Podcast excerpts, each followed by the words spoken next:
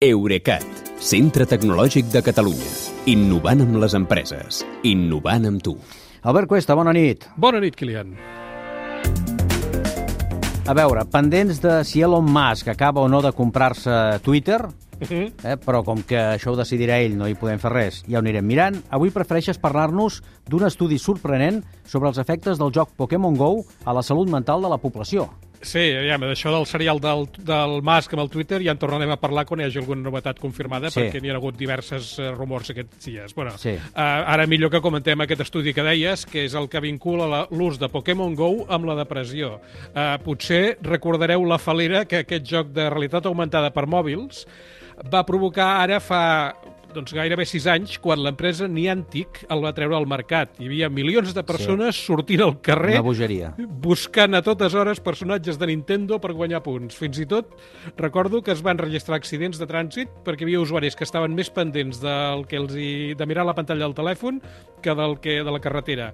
Hi havia gent que patia perquè es quedava sense bateria al mòbil durant la partida i, de fet, Pokémon GO va ser la primera aplicació de realitat augmentada que realment popular. Molt popular, sí. Doncs ara, uns economistes de la London School of Economics s'han despenjat amb un estudi científic que troba relació entre l'ús de Pokémon GO i les tendències depressives entre els usuaris.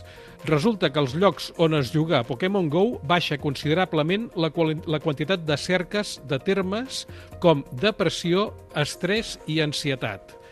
I sembla que la caiguda de les consultes sobre aquests temes és clara. Malauradament, el que no és és permanent, sinó que tendeix a recuperar nivell, el nivell original passades poques setmanes.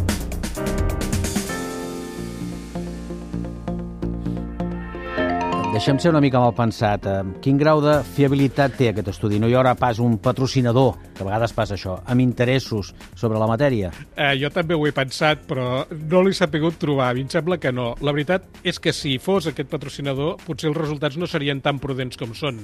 A veure, l'anàlisi eh, sembla prou ben fet. Eh, de fet, hi ha molts estudis eh, sociosanitaris, diguem-ne, que fan servir les tendències de cerca a internet com a indicadors fiables, i en aquest cas els investigadors van poder verificar la correlació aquesta perquè el joc no va sortir simultàniament a tot el món, sinó que ho va fer de manera esgraonada per països. I d'aquesta manera van poder comparar el tipus de cerques entre els llocs on es podia jugar Pokémon GO i els llocs on no.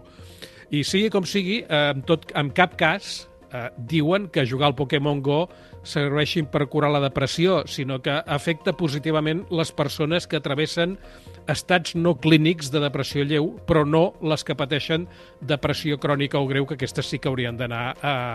doncs haurien de tenir un tractament professional. Va bé que ho puntualitzem, això sí. Sí, Tenen sí, alguna explicació? Uh, sí, bàsicament que un joc geolocalitzat com és Pokémon GO uh, afavoreix l'activitat física perquè t'has d'aixecar del sofà i sortir de casa, afavoreix la socialització perquè trobes als llocs amb altres jugadors i afavoreix el contacte amb la natura perquè, perquè surts a l'aire lliure, vaja. Ja. O sigui, tots tres factors eh, tendeixen a fer que els humans siguem eh, més feliços, diguem-ne, ni que sigui una mica. Té una mica de lògica, sí. Potser sí. nous jocs de realitat augmentada eh, aprofitaran aquests efectes, per lleus que siguin. Sí, Benvinguts eh, siguin, a més a més. Millor, millor això que res, francament. Absolutament. Gràcies i fins demà, que vagi bé. Bona nit, Kilian, fins demà. Eurecat, centre tecnològic de Catalunya. Innovant amb les empreses. Innovant amb tu.